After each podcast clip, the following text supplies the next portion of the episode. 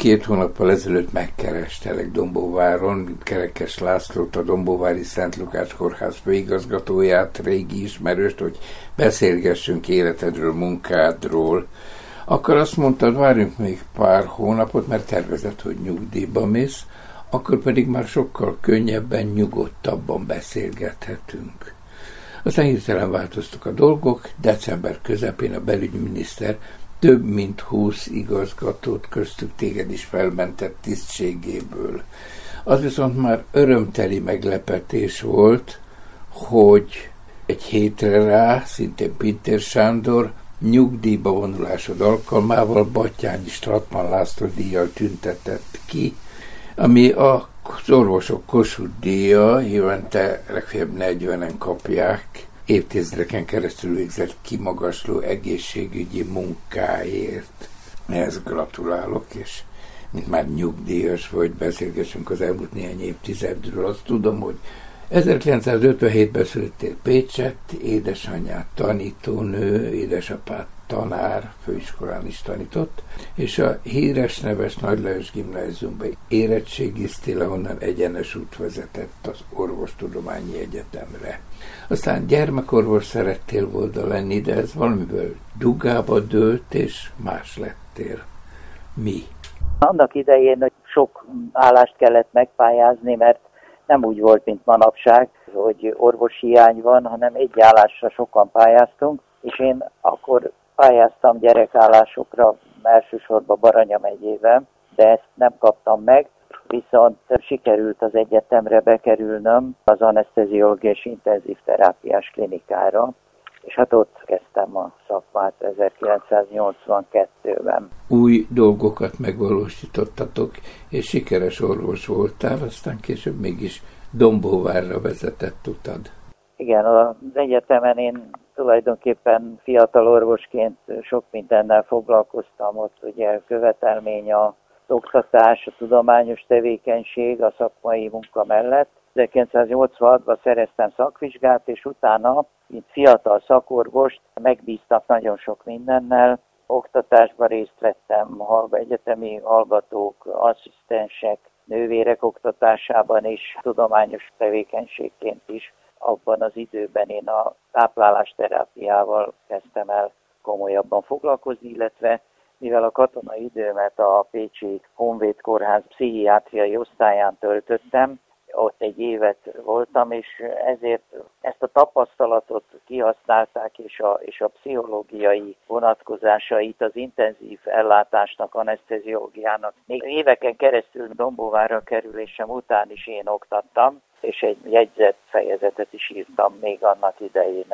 a Pécsi oktatási tevékenységem keretében. Vallott, hogy a testi mellett a lelki gyógyítás, a humanitás is nagyon fontos. Ez vezetett ott is a munkádban? Igen, amikor Dobóvára kerültem, nem volt intenzív osztály, sőt azt kell, hogy mondjam, hogy egyedül voltam anesteziológus, asszisztensekkel dolgoztam egy évig, és 1990-ben jöttek fiatal pályakezdő orvosok, és el tudtunk indítani egy intenzív osztályt is. Elsőként egyébként Tolna megyében, és már a pécsi időszakomban is betegközpontú gyógyítást képzeltem el, és a mindennapokban is ezt próbáltam hirdetni. Meggyőződésem, hogy a harmónia, az egészség felbomlása, a betegségek azok a testi-lelki-szellemi harmóniánknak a felborulásából származnak döntő többségükben. Nem kizárólagosan vannak, de persze olyan helyzetek, például a balesetek, azok nem ide tartoznak, de a többi betegség szinte kivétel nélkül visszavezethető erre az egyensúly megbomlásra.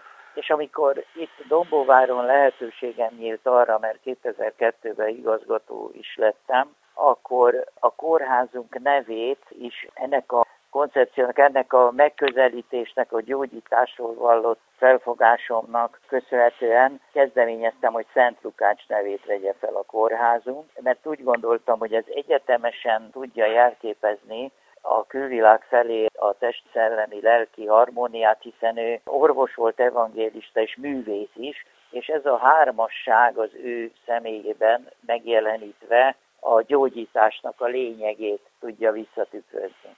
Evangélista volt, és a hit az számodra is nagyon fontos. Emlékszem, mikor felépült, nagyon büszkén mutattad nekem a kórház új kápolnáját.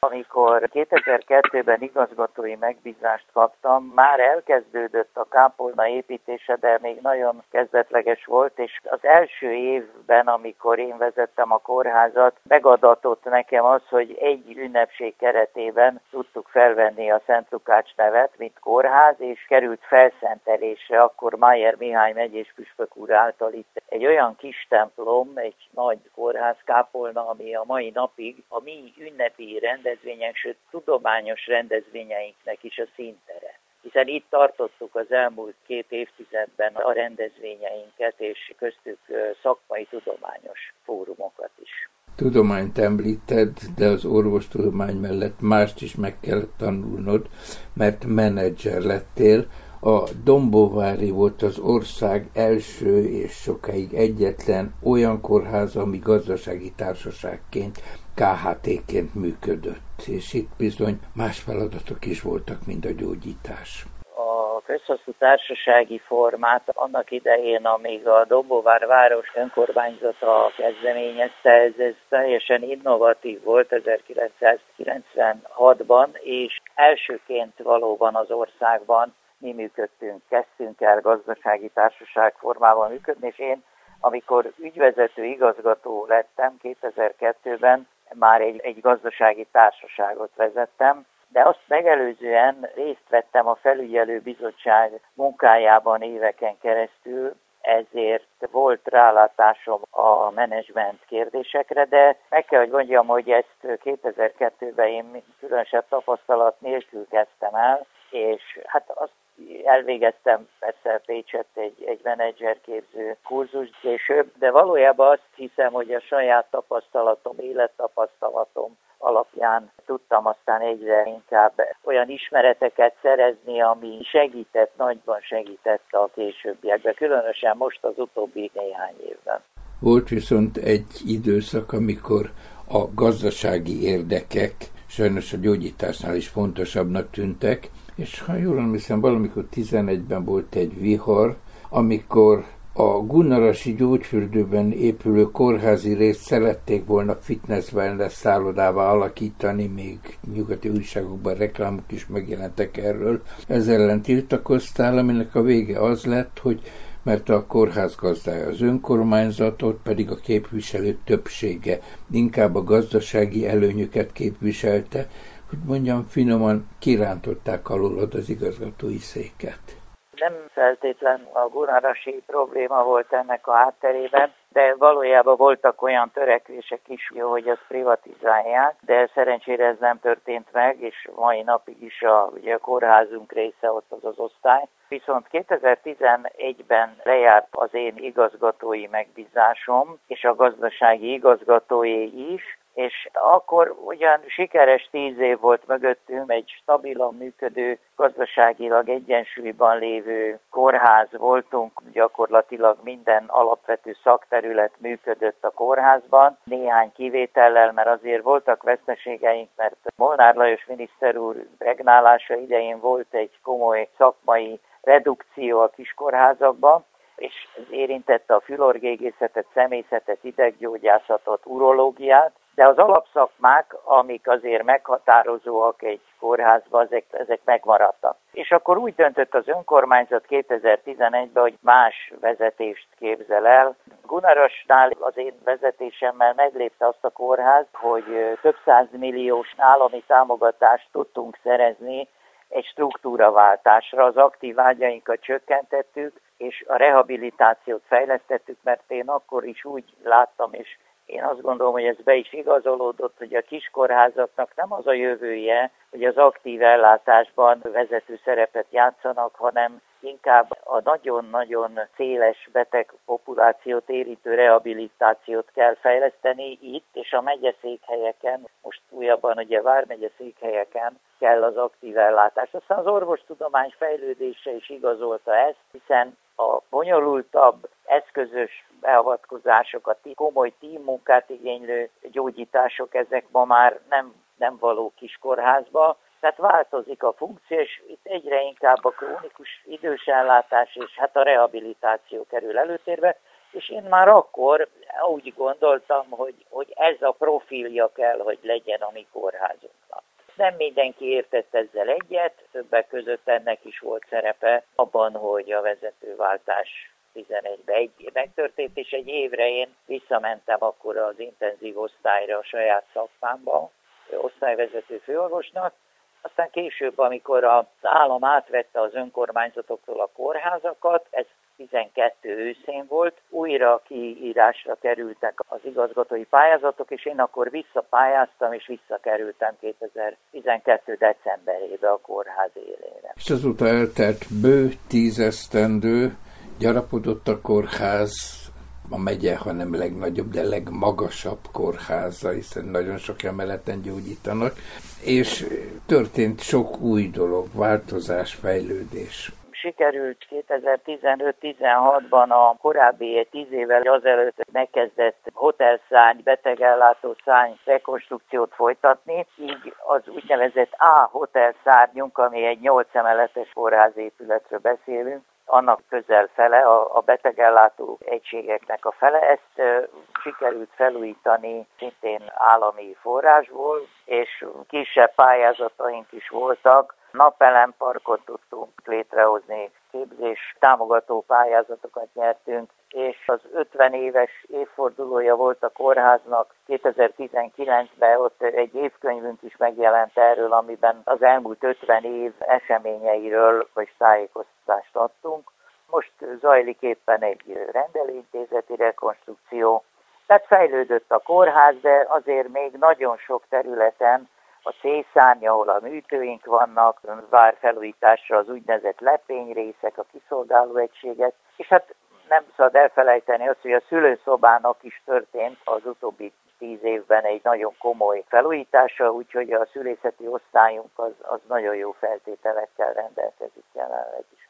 Most nyugdíjas lettél. Milyen érzés és mik a terveid? A minap tudom, mikor telefonon beszéltünk, hogy mikor is hívhatlak újra. Unokáiddal voltál a játszótéren. Ez is egy pompás dolog, de orvos vagy. Igen, mint hogy említetted a, itt a beszélgetésünk elején, én foglalkoztam már azzal a gondolattal, hogy a vezetői munkámat abba hagyjam. Már egy évet nyugdíj mellett dolgoztam, ugye jelenleg 66 éves vagyok, és úgy éreztem már az utóbbi hónapokban egyre inkább, hogy elfáradtam. Egy újabb struktúraváltás előtt áll az egészségügy, ami érinti a kiskorházakat, valószínű újabb szakterületek fognak megszűnni kisebb kórházakban, mert egyszerűen nem lehet fenntartani, orvos hiány van, az ügyeleteket egyre nehezebb felállítani, és én úgy éreztem, hogy ezekben a változásokban nem igazán szeretnék részt venni, de ugyanakkor ez a nagy kötődés, elkötelezettség, 34 évet töltöttem el ebben a kórházban, nagyon komoly kötődésem van ahhez az intézményhez, és ezt azért feladni mindig nehéz. De ugyanakkor egy óriási felelősség is volt, és van is a kórházvezetőkön jelenleg, ami nyomasztó volt számomra, és így most, hogy a kórház fenntartó döntött úgy, hogy a nyugdíjas korú igazgatóknak megköszöni az eddigi munkáját, és egy fiatalitást terveznek a kórházvezetésben. Abban az tekintetben megkönnyítette az én döntésemet, hogy nem nekem kellett ezt meghozni, ez egyfajta felszabadultságot jelent, ugyanakkor nehéz azért az elvállás érzelmileg, lelkileg ettől a 34 évtől. Most véget ért egy korszak, egy időszak, most következik egy másik, ugye van négy unokám, akikkel bizonyára több időt fogok tudni tölteni, de vannak olyan családi feladataim is az unokákon kívül még, amiket rendezni kell. Egyelőre nem tudom még pontosan, hogy a jövőben mit fogok csinálni. Kaptam ajánlatot, és ez nagyon jól esett különben, környező nagy kórházból is, hogy menjek oda dolgozni.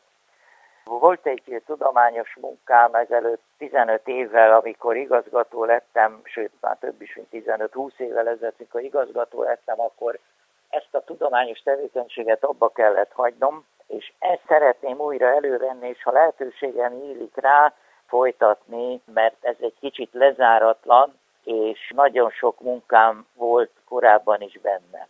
Úgyhogy szakmai tevékenységként ezt, a család, ugye a gyerekek, unokák, illetve itt van nekem az egyházközség, mert ugye a Dombóvári Római Katolikus Egyházközség tanácsadó testületének voltam tíz évig világi elnöke, és most éppen történt egy újraválasztás megtisztelő számomra és újra én lettem a világi elnök, és számos feladat van itt a városban, a hitéletben is, és a közösség szervezésben. És a mai világunkban most, amíg zajlanak itt körülöttünk, ez nagyon is aktuális, hogy beszélgessünk egymással, hogy erősítsük egymást, hogy próbáljunk segíteni egymáson. Fel is kértek előadások megtartására egyházi körökből, tehát hívnak, és nyilván ez ez nekem is jó, mert egyébként minden előadásra fel kell készülni, és tanul, tanul mindig az ember, és ilyen értelemben biztos, hogy nem fogok leállni. Ehhez kívánok egészséget, erőt, és találd meg az örömet ebben a munkában is. Köszönöm szépen, és nagyon szépen köszönöm, hogy megkerestél. Én meg azt köszönöm, hogy beszélgethettünk.